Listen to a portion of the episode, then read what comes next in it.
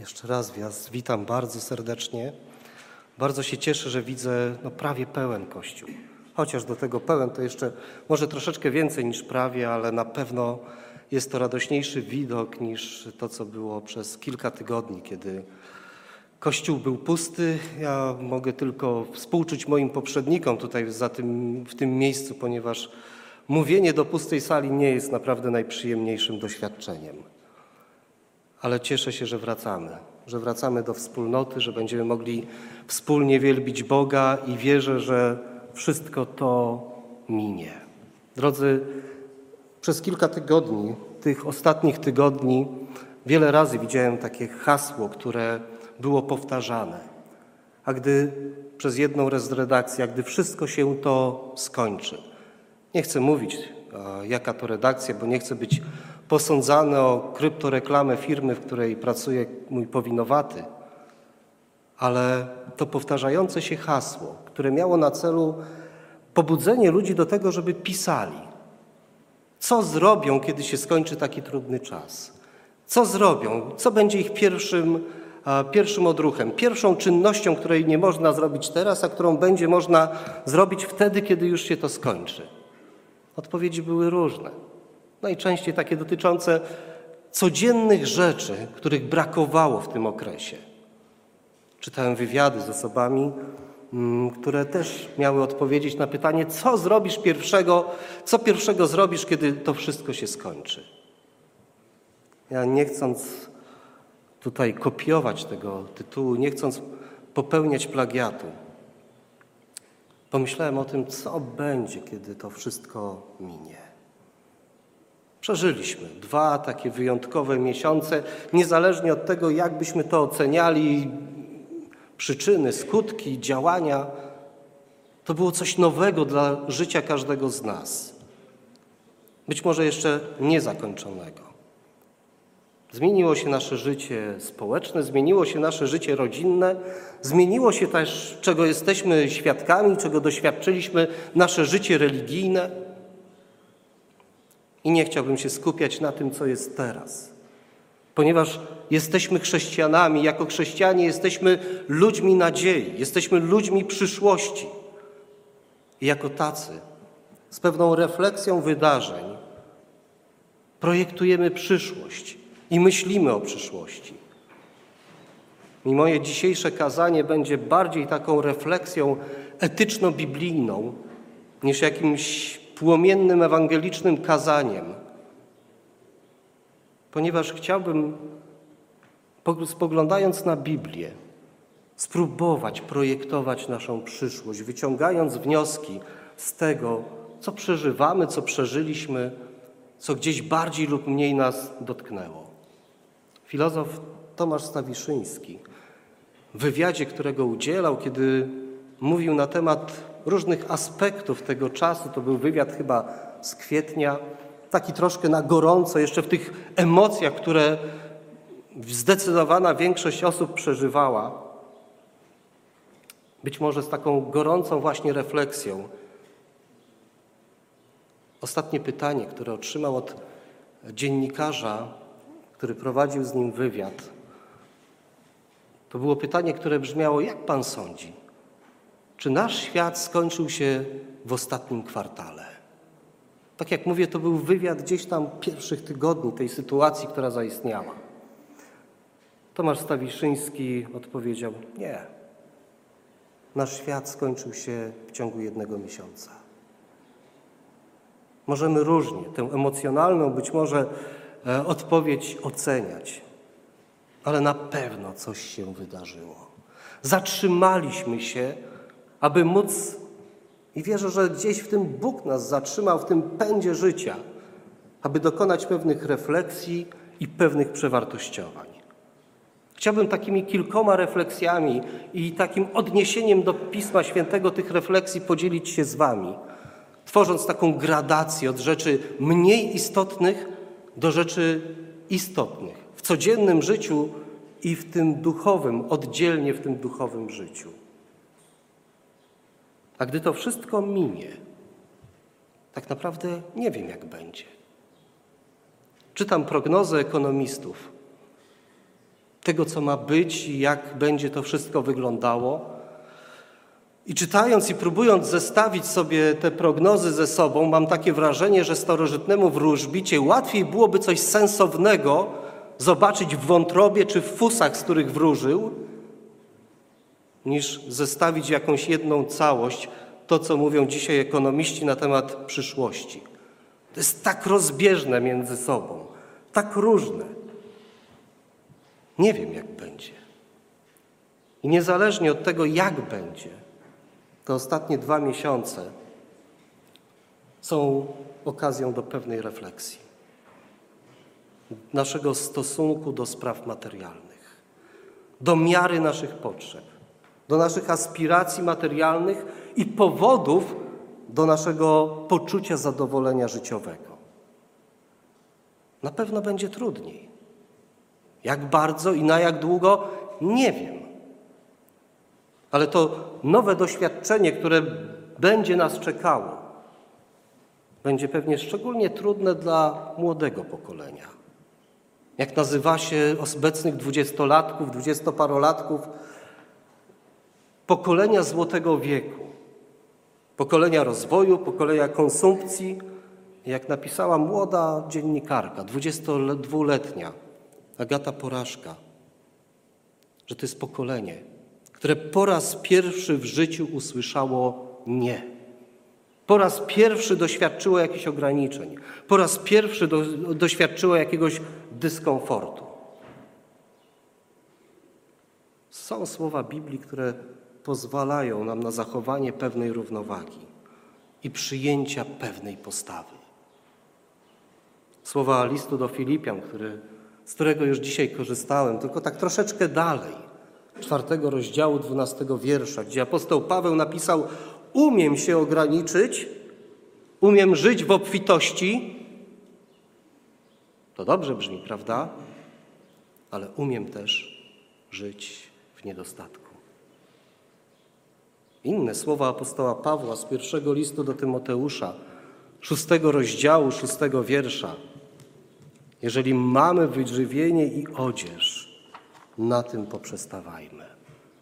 Drodzy, ja wiem o tym, że w dzisiejszym czasie to jest radykalne podejście.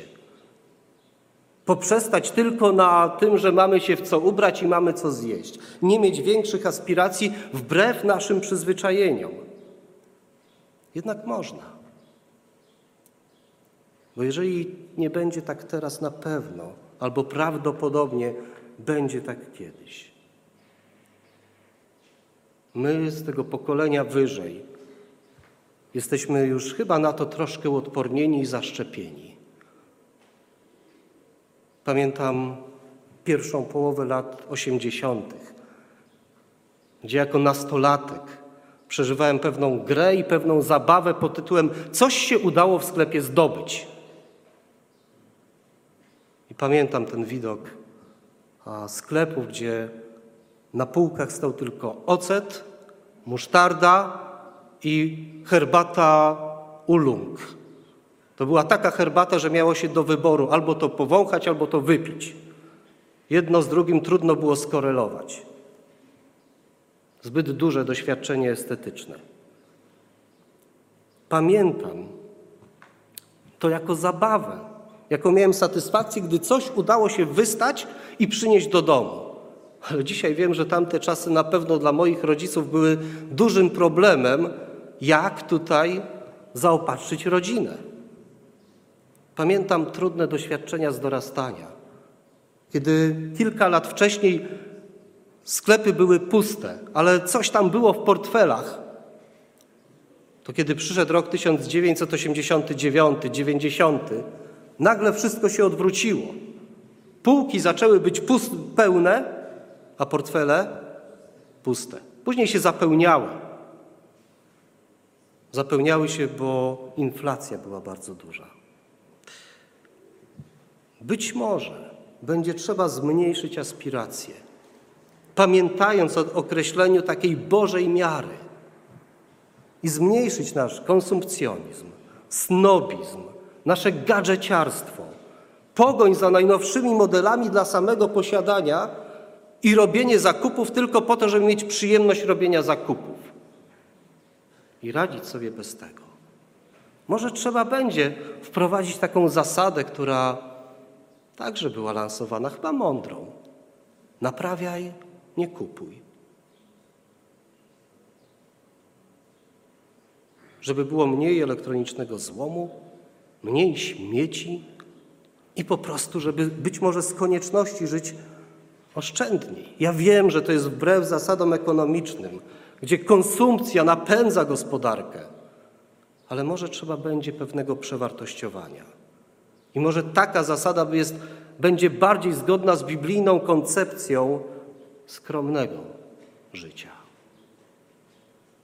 Może trzeba będzie określić, co jest moją potrzebą, a co elementem, bez którego naprawdę sobie można poradzić i nie będzie to powodem do rozpaczy, że nie mogę sobie na pewne rzeczy pozwolić.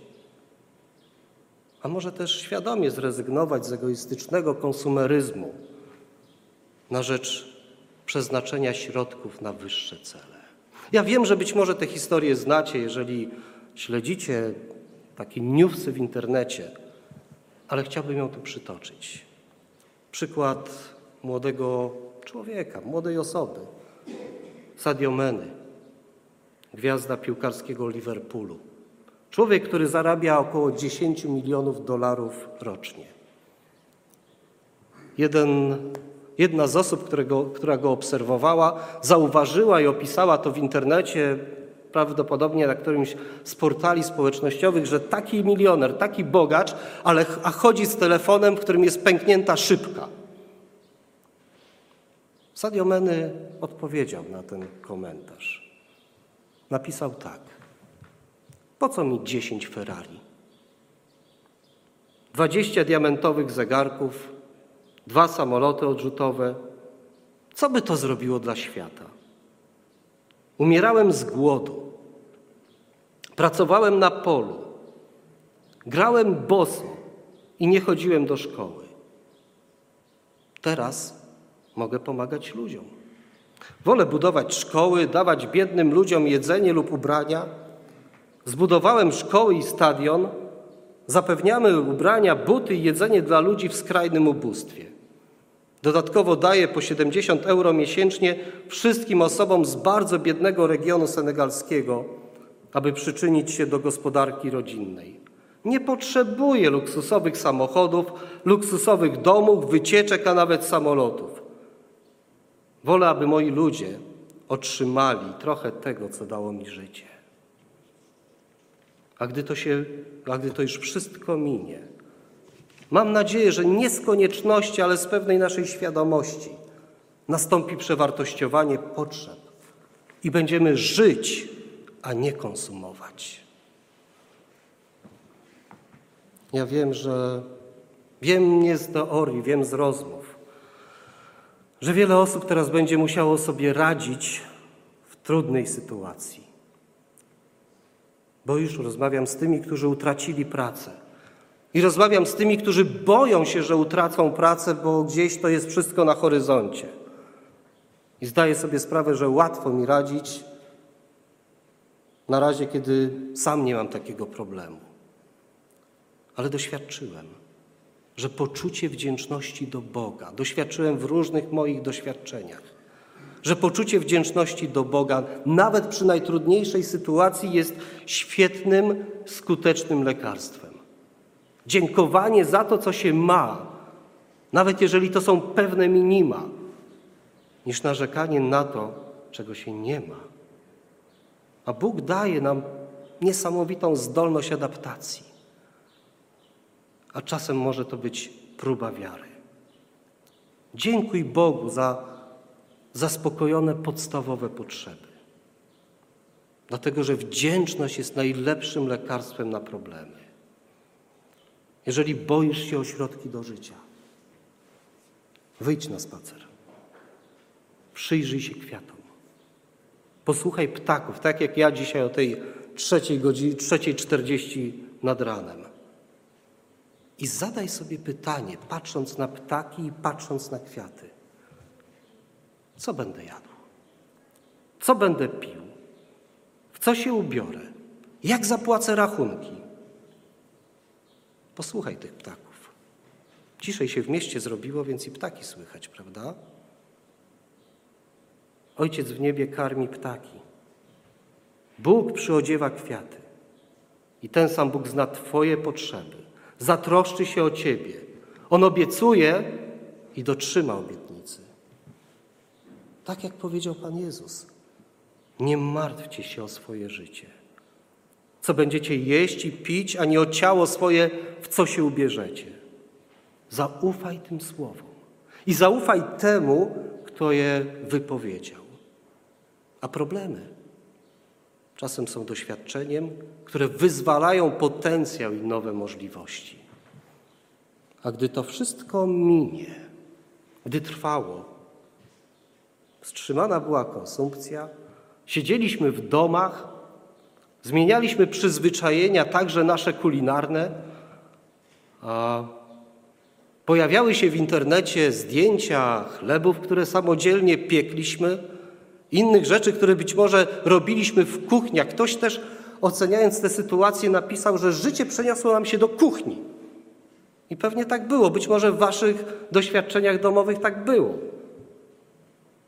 Zmienialiśmy troszkę nasze przyzwyczajenia. I mam nadzieję, że niektóre z nich zostaną dłużej. W 2012 roku wraz z kilkoma przyjaciółmi zorganizowaliśmy filię chrześcijańskiej służby charytatywnej w Radomiu. Przede wszystkim zajmowaliśmy się nie tylko, ale pomocą żywnościową. Staliśmy w sklepach, zbieraliśmy żywność, którą później rozdawaliśmy, pozyskiwaliśmy żywność, otrzymywaliśmy żywność z banku żywności, którą też rozdawaliśmy. I rozmawiałem z ludźmi, którzy przychodzili po tę pomoc. Opowiadali mi o swoich dochodach. I kiedy tak przeliczyłem, ile im zostaje na wyżywienie, na żywność, po odliczeniu rachunków, innych opłat, i dzieliłem tę kwotę pomiędzy 30 dni, czyli wyliczałem stawkę dzienną żywnościową, brałem jeszcze raz kalkulator, żeby sprawdzić, czy się nie pomyliłem, i zastanawiałem się, jak w ogóle można za taką stawkę przeżyć. Odwiedzałem część tych osób w domach, żeby sprawdzić, czy przypadkiem nie wprowadzają nas, delikatnie mówiąc, w błąd. Nie wprowadzali. W większości zdecydowanej. Gdy to wszystko minie, może być tak, że ilość potrzebujących będzie większa. A z drugiej strony, jak, a, jak wyliczył, wyliczyła Federacja polskich banków żywności, firma Deloitte. Jest, łącznie wyrzucamy w ciągu roku 9 milionów ton żywności. I jesteśmy na piątym miejscu w Unii Europejskiej pod tym względem. Te 9 milionów ton żywności oznacza, że każdy człowiek, każdy Polak w ciągu roku marnuje 235 kg żywności. A jeszcze, żeby to Wam zobrazować, bo 235 kg to jest taka abstrakcja. Każdy z nas w Polsce, a brat Piotr mnie pytał tutaj, po co to leży za kazalnicą. Nie, to nie jest moje śniadanie.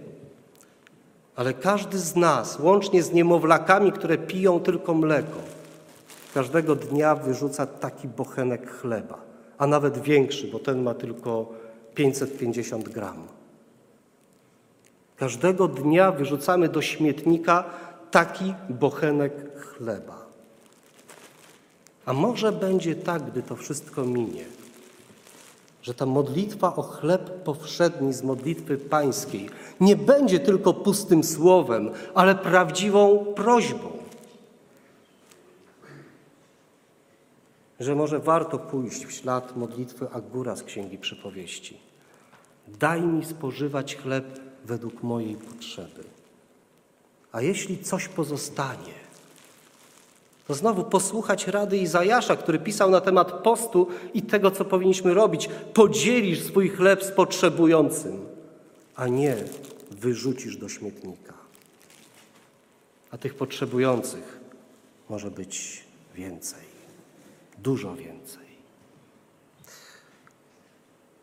W relacjach społecznych ta ważniejsza półka życia człowieka. Te ostatnie dwa miesiące spowodowały, że psychologowie zdiagnozowali nowy typ człowieka homo separatus. Czyli ludzi, którzy z konieczności, ale także później może troszkę z wyboru zostają w domach, izolują się od innych, a pracują zdalnie. Fajny czas pracy zdalnej, pewnie wielu z nas tego doświadczyło.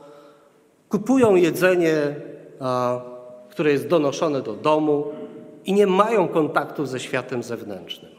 No to jest taka wygodniejsza strona tego zjawiska homo separatus. Ale jest taka, która jest całkiem inna i z którą się zetknąłem osobiście. Jak ja to nazwałem, wybaczcie, dawno nie uczyłem się łaciny, jeżeli jest jakiś błąd gramatyczny, homo acrum separatus. Czyli człowiek izolujący się z lęku, człowiek izolujący się z obawy.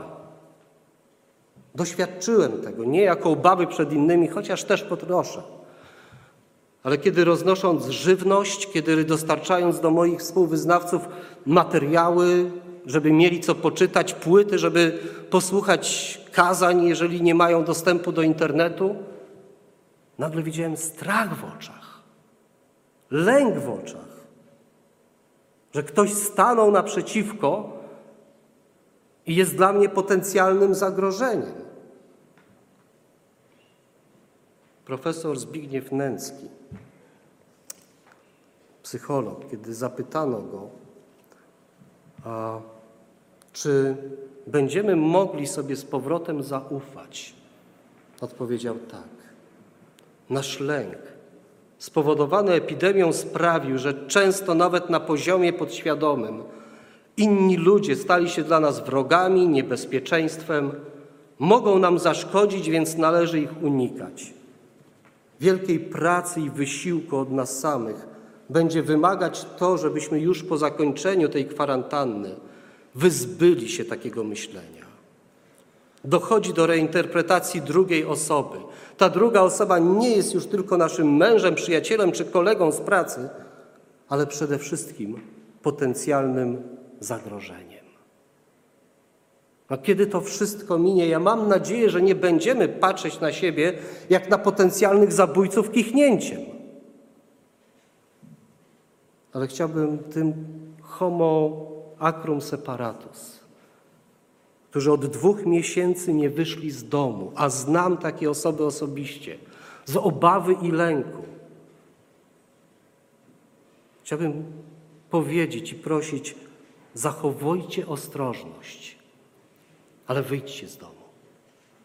Pamiętajcie, że 98% przypadków, których dopadło to, czego się tak boicie, kończy się albo bez konsekwencji, albo bardzo łagodnymi konsekwencjami.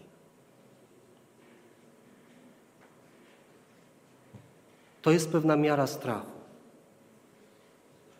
Mamy sytuację w Starym Testamencie takiego stanu strachu, stanu zastraszenia, kiedy za drugiej strony Jordanu przyszli reporterzy i zaczęli opowiadać, co się tam dzieje, jakie straszne rzeczy. A to uruchomiło wyobraźnię pozostałych. Zginiemy, zabiję, zabiją nas tam, nie poradzimy sobie. Uruchomiła się wyobraźnia. Wtedy ten paniczny strach był uruchomiony z tego, co relacjonowano zawód ekranu, zawód Jordanu. Dzisiaj ten paniczny strach rodzi to, co widać i słychać za plazmy ekranu. Pamiętajcie, drodzy, że najważniejsze nie jest tu ani tu. Najważniejsze jest tutaj. Ci, którzy od dwóch miesięcy siedzą w domu, proszę wyjdźcie, ostrożnie, ale wyjdźcie. Jest piękna pogoda, jest fantastyczna wiosna. Ja mam wrażenie, że ta wiosna mnie ominęła. Nie wiem jak wy, ale mam takie wrażenie, że ta wiosna ominęła nas trochę. Modliliśmy się w czasie naszych codziennych spotkań modlitewnych o coś, co baliśmy się, a mieszkam w rolniczym terenie, że bardziej zagraża niż to, co fruwa, czyli susza. Modliliśmy się o deszcz. Bóg dał deszcz w odpowiednim czasie. Mamy piękną wiosnę, naprawdę. Ja mam nadzieję, że homo separatus i homo acrum separatus nie zwycięży w naszych głowach. I chcę prosić też ostrożnie, ale przyjdźcie do kościoła. Nie zostawajcie tam w domach na stałe. 11 maja prowadziłem pogrzeb w Lublinie. A zmarła jedna z najbardziej zasłużonych osób tego zboru, brat Stanisław Łozowski. 60 lat służby w tym zborze, w tym 27 lat starszego zboru, a swoją służbę zaczynał tu, zaraz po II wojnie światowej, jako kierownik młodzieży, kierownik szkoły sobotniej. I życie w zborze w Lublinie no, spowodowało nam taki dziwny paradoks. Dlatego, że ostatni raz zbór spotkał się 7 marca i była to sobota. I to był dzień 90. urodzin brata Stanisława. I kolejny raz zbór spotkał się na jego pogrzebie. Taki dziwny zbieg okoliczności. Ale zauważyłem na tym pogrzebie coś, co jest charakterystyczne dla rodzinnych pogrzebów. Z jednej strony smutek pożegnania, a z drugiej strony, jak to bywa w rodzinach, które długo się nie widzą, smutek pomieszany z radością spotkania. Bo wiem, że ludzie tęsknią za przyjściem do kościoła. Że są też tacy, którzy przez te dwa miesiące stwierdzili, da się bez kościoła żyć. Bo się da, ale o tym dalej. Ale drodzy, chciałbym też w poczuciu naszej odpowiedzialności za innych bardzo prosić, abyśmy zrobili wszystko, aby pomóc tym, którzy się boją. I pomóc także tym, którzy są w kościele, którzy się boją. A największą pomocą, i to wiem z relacji ludzi, z którymi rozmawiałem, będzie nasze odpowiedzialne zachowanie w kościele, które będzie dawało im poczucie bezpieczeństwa. Proste rzeczy. Siedzimy od siebie dwa metry. Prosta rzecz. Mamy zasłonięte usta. Niekoniecznie tym, to jest niewygodne. Tak, żeby ci, którzy się boją przyjść do kościoła, nie bali się. Ja wiem, że możecie o tym myśleć różnie, ale popatrzcie na jeden ze zborów Nowego Testamentu. Tam był pewien problem społeczny czy problem społeczno-etyczny. Do kościoła przychodziły kobiety, które ze względu na swoją przeszłość, profesję wyglądały inaczej niż reszta kobiet. Miały krótkie włosy. Więc Paweł napisał: Drogie siostry, żeby nie było stygmatyzacji kogokolwiek, nałóżcie wszystkie nakrycia głowy. Nie musiały pewnie tego robić, ale dla dobra innych myślę, że robiły. Drodzy, mogę jedynie prosić, schowajcie przekonania do kieszeni, wyjmijcie z nich zasłony ust i nosa z troski o innych, aby mogli czuć się bezpiecznie i byli bezpieczni, i aby ci, którzy się boją, chcieli przyjść. A jeśli ktoś na, przeżywa takie wewnętrzne napięcie, taki dysonans poglądów kontra dobro bliźniego, zachęcam do przeczytania 14 rozdziału listu do Rzymian. Może tam znajdzie odpowiedź. Nie szukanie tego, co swego, ale tego, co cudze bo członkami jednych, jedni drugich jesteśmy. Kolejna w gradacji półka relacje rodzinne. Ja wiem, że to, co za chwilę powiem, nie będzie dotyczyło wszystkich. Dotyczy tylko części ludzi, ale chciałbym, żeby to wybrzmiało. Może ktoś przemyśli jego relacje rodzinne. To jest całkiem odrębny temat. Myślę, że jest tak, że przez te dwa miesiące rodziny, które dobrze żyły ze sobą, żyją jeszcze lepiej, a rodziny, w których były problemy są problemy jeszcze większe. Ale chciałbym odnieść się do innego problemu. Chciałbym zacytować Wam dwa tytuły prasowe. Jeden z Rzeczpospolitej, drugi z amerykańskiego Politico. Rzeczpospolita, opisując sytuację w Hiszpanii i Francji, napisała, czy dała tytuł artykułowi Rzeź w domach opieki. Politico, pisząc o Włochach, napisało cicha masakra, pisząc o domach opieki. Ja wiem, że większość takich, zdecydowana większość takich placówek jest bezpiecznych. Nie chcę oceniać, nie chcę osądzać kogokolwiek. Czasami są ważne przyczyny. Ale tak jak napisała dziennikarka Rzeczpospolitej o, Francu o Francuzach, że z wygodnictwa, bez powodu oddawali swoje babcie i swoich dziadków do domów opieki, żeby móc wygodniej żyć. Drodzy, czy wiecie, co to jest babka świąteczna? Dobrze nam się kojarzy, prawda? Z czymś bardzo smacznym. Czy ktoś z Was pracuje w szpitalu? Mhm, nikt z obecnych na sali.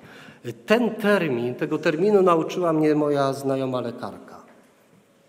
Wiecie, co znaczy? To znaczy starszych ludzi. To jest taki slang szpitalny oznaczający, starszy, oznaczający starszych ludzi, którzy są przywożeni do szpitala na okres świąt. Zawsze można staruszka odwodnić, zawsze można coś takiego zrobić, że jednocześnie jest zdrowy, ale ma takie symptomy, gdzie no, nikt nie miałby sumienia przyjąć do szpitala, czy nie przyjąć do szpitala. I oddawani są tylko po to, żeby móc pojechać sobie na wakacje, na wczasy, wrócić z wczasów i wakacji i wziąć do następnych świąt staruszka do domu. Drodzy, może gdy to wszystko minie, bardziej mając na pamię w pamięci to, co się stało, będziemy myśleć o przykazaniu czci ojca i matkę jako obowiązku dozgonnej opieki, jeśli tylko są takie warunki. Rezygnację z pewnych własnych wygód dla tych, którzy kiedyś zrezygnowali ze swoich wygód dla nas. A teraz całkiem inna część naszego życia sprawy duchowe. A wiele razy zastanawiałem się przez te dwa miesiące, gdy to wszystko minie, jaki powinien być i jaki będzie Kościół. Bo na pewno nie będzie taki sam, jak był. I świat będzie inny, i my będziemy być może inni, i Kościół może być inny. Pewnym wzorcem Kościoła w kryzysie jest dla mnie Kościół apostolski. Kościół z ograniczonymi swobodami, tak jak my. Kościół z trudną sytuacją materialną, kiedy wiele osób stających się chrześcijanami decyzję pójścia za Jezusem przypłaciło odrzuceniem przez rodziny i problemami ekonomicznymi. O tym kościele i takim chciałbym, żeby był Kościół.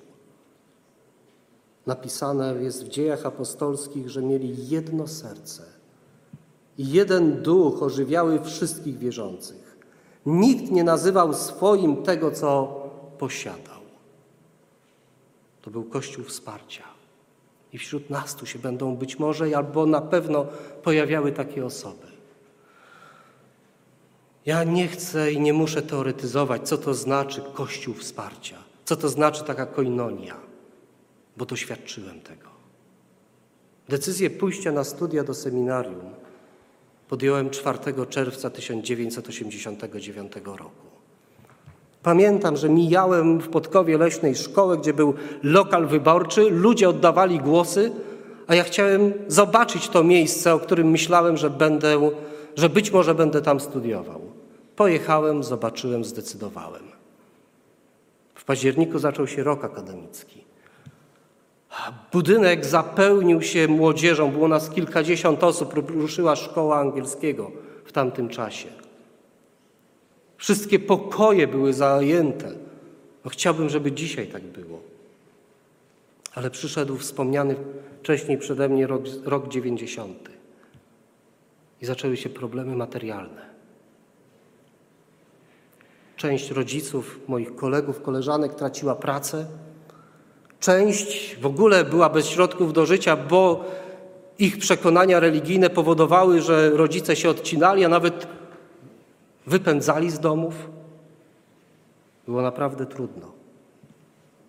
Pracowaliśmy dorywczo, gdzie się dało, robiliśmy co się dało, ale czasami brakowało na zaspokojenie podstawowych potrzeb. Naprawdę podstawowych. I mieliśmy na korytarzu taką przegródkę na korespondencję, gdzie wrzucano listy do nas. I zdarzały się takie momenty, kiedy ktoś znajdował w swojej przegródce kopertę. Na tej kopercie nie było znaczka, ani nie było nadawcy, nawet adresu nie było, tylko imię i nazwisko. A kiedy otwierał tę kopertę, zamiast listu były pieniądze. Bywały sytuacje, kiedy ktoś szedł do księgowości powiedzieć: Przepraszam, nie mogę zapłacić za akademik, nie mam pieniędzy. A księgowa z pięknym uśmiechem odpowiada: Ale Twoje rachunki są już zapłacone. Koledzy, koleżanki, którzy mieli niewiele więcej, widząc czyjeś pilne potrzeby i problemy, anonimowo podrzucali pieniądze. Do dzisiaj to wspominam z wielkim wzruszeniem. Oddawali swoje posiłki albo wykupowali posiłki dla kogoś. A ten trudny czas Scementował nas tak, że po 30 latach wielu z nas dalej przyjaźni się ze sobą. I tak wyobrażam sobie Kościół wrażliwy, gdzie członkami jedni drugich jesteśmy. Wyobrażam sobie, że będzie to Kościół modlitwy. Tak jak mówią dzieje, trwali na modlitwach. Bodajże około 15 marca rozpocząłem internetowe, codzienne spotkania modlitewne. Później do tych spotkań dołączyliśmy program 100 dni. Spotykamy się codziennie, jest nas grupa ponad 20 osób. Nawet ostatnio przerwałem kolegom posiedzenie zarządu diecezji, powiedziałem jest 19.30, ja mam spotkanie modlitewne. Ja mam nadzieję, że gdy to wszystko minie, już nawet pytali mnie, pytały mnie osoby, które uczestniczą. A co będzie, gdy już to wszystko minie? Dalej się będziemy spotykać? I takich grup wiem, że jest dzisiaj bardzo wiele. Gdy to wszystko minie, powinna pozostać wspólnota modlitwy, zaangażowanie w nią. Powinniśmy znaleźć czas, żeby się wspólnie spotykać i wspólnie modlić. A gdy to wszystko minie, ja mam nadzieję, że to będzie kościół kościołów domowych tak jak mówią dzieje, że łamali chleb po domach. I też nie muszę teoretyzować, ja mógłbym Wam dużo opowiadać i całe seminarium prowadzić. Ale pamiętam rok 1992, gdzie tu, gdzie stoją kamery, w każdą niedzielę po południu spotykaliśmy się w gronie dwudziestoparolatków, żeby się wspólnie modlić, żeby czytać razem Biblię, żeby się poznawać, żeby rozmawiać o tym, jak służyć Bogu.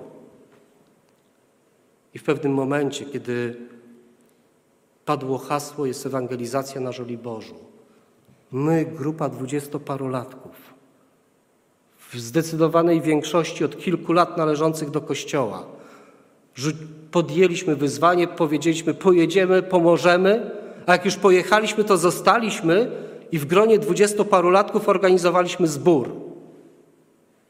A zaczęło się wszystko od cotygodniowych spotkań w małym gronie. Ja jestem przekonany, że to jest opcja, drodzy, dla Was, dla Warszawy. Zamiast jednej dużej wspólnoty, czy obok jednej dużej wspólnoty, małe dzielnicowe, ale to inny temat. Ale drodzy, gdy przyjdzie znów zamknąć Kościół, a nie wykluczamy, że tak będzie. Z takiego powodu jak teraz, a może z innego powodu, to będziemy spotykać się w domach, tylko na to musimy być gotowi. Jeszcze nie teraz, jeszcze nie idźcie na Mokotów, na Pragę. Nie wiem, czy ktoś jest tutaj z Chomiczówki, bo dla mnie to jest sentymentalne miejsce, bo na razie nie wolno.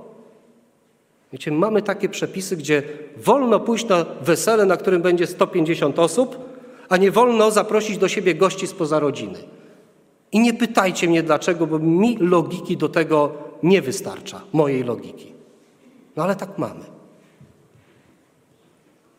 I to jest, drodzy, małe wspólnoty, to jest dobra propozycja dla homo separatus, którzy boją się dużych grup, ale nie boją się bliskich znajomych.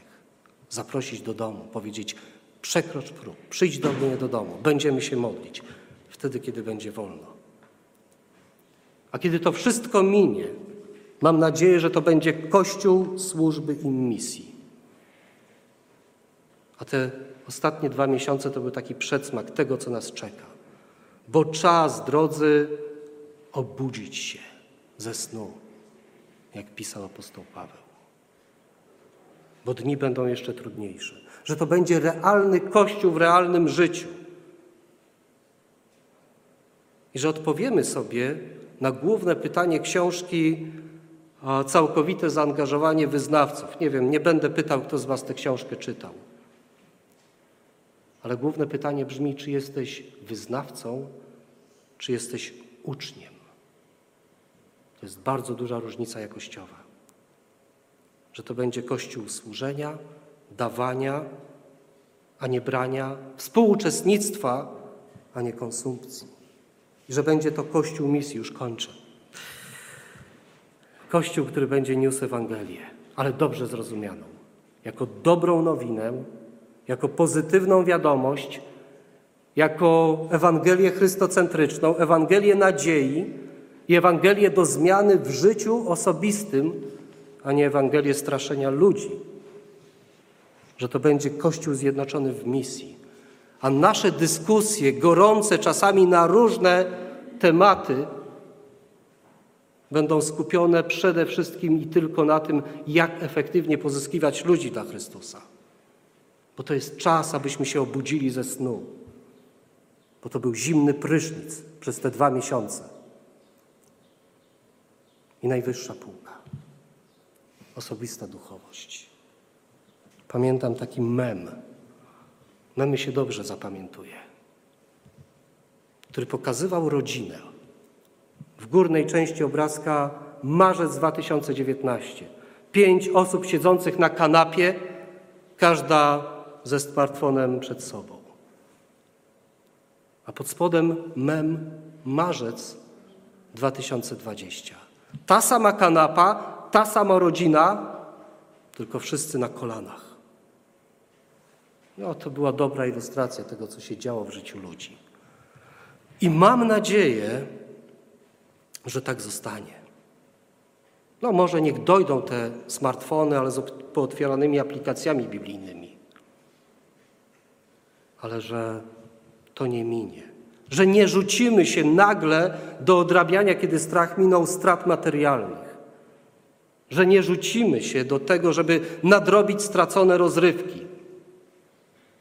Ale że nasze komory modlitwy będą ciągle otwarte, te, o których mówił Pan Jezus że nie zamkniemy ich na kłódkę, że mojżeszowy namiot spotkania, gdzie Mojżesz rozmawiał z Bogiem jak człowiek z przyjacielem, będzie ciągle otwarty, a nie zasznurowany.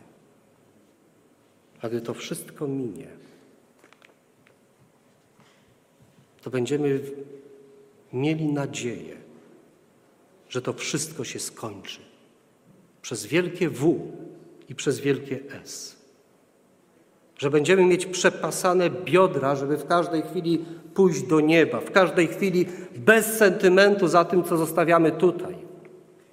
że będziemy mieli zapalone lampy, które będą się paliły, że będziemy mieli uzupełniony zapas oliwy, bo będziemy pełni Ducha Świętego, że będziemy szukać najpierw Królestwa Bożego i sprawiedliwości Jego. Ja wiem, że to, co mówiłem, jest takie wielowątkowe, że każdy z wątków stanowiłby osobne kazanie. Ale nie chciałem Wam wykładać.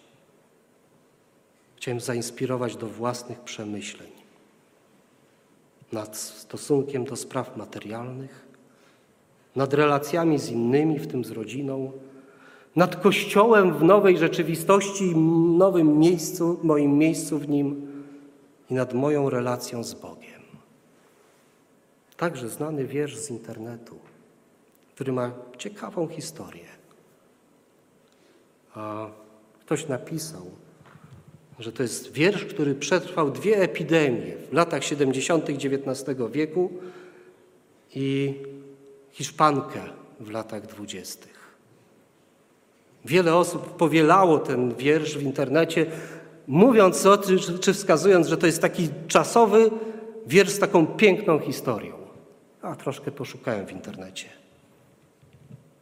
Okazało się, że komuś się pomyliły wiersze i epoki. Bo wiersz, bo przypisano tej, ten wiersz XIX-wiecznej irlandzkiej poetce Katie O'Mara, a tak nie było. No tak to jest, jak się bezkrytycznie przyjmuje to, co jest w internecie i powiela dalej. Ale posłuchajcie tego wiersza. A ludzie zostawali w domu, czytali książki, słuchali, odpoczywali i ćwiczyli i stworzyli sztukę i grali. I nauczyli się nowych sposobów bycia. Zatrzymali się i usłyszeli głębiej. Ktoś medytował, ktoś się modlił, ktoś natknął się na jego cień. Ludzie zaczęli myśleć inaczej i ludzie się wyleczyli. I przy braku ludzi, którzy żyli w ignorancji, niebezpiecznie, bezsensownie i bez serca, ziemia też zaczęła się goić. A kiedy niebezpieczeństwo się skończyło i ludzie się spotkali, żałują zmarłych i to nowe wybory, i marzyli o nowych wizjach, i stworzyli nowe sposoby na życie, całkowicie uleczył ziemię, wtedy właśnie, gdy zostali uleczeni. Autorką nie jest XIX-wieczna poetka, ale wiersz powstał w marcu tego roku, napisany przez blogerkę mającą niemal takie same, samo imię i identyczne nazwisko. A gdy wszystko minie, co zrobisz? Otrzepiesz kurz, posprzątasz, wzruszysz ramionami i powiesz: Nic się nie stało, bo niczego nie było, i będzie żyć tak, żyć tak samo dalej? Czy zaczniesz odrabiać straty materialne? Czy nadrobisz zaległe rozrywki? A może postawisz na bycie bliżej Boga? Czy może będzie to pewne doświadczenie, które trwale pozytywnie zmieni życie? A gdy to wszystko minie, może dalej będziesz korzystać z pozytywnych zmian duchowych, jakie nastąpiły w ostatnim czasie. Te dwa miesiące to był czas, kiedy odbierałem telefony byłych adwentystów, którzy mówili: Ja się chcę ochrzcić, wrócić do kościoła. To był czas, kiedy młode osoby dzwoniły do mnie i rozmawiały ze mną: Ja się chcę ochrzcić. Taki chrzest prowadziłem w piątek, chociaż akurat to nie była decyzja chwili. Kiedy ludzie mówili, moi współwyznawcy, ja chcę głębszego życia duchowego. A może ten czas chcecie przygotować na większe kryzysy, które nadejdą?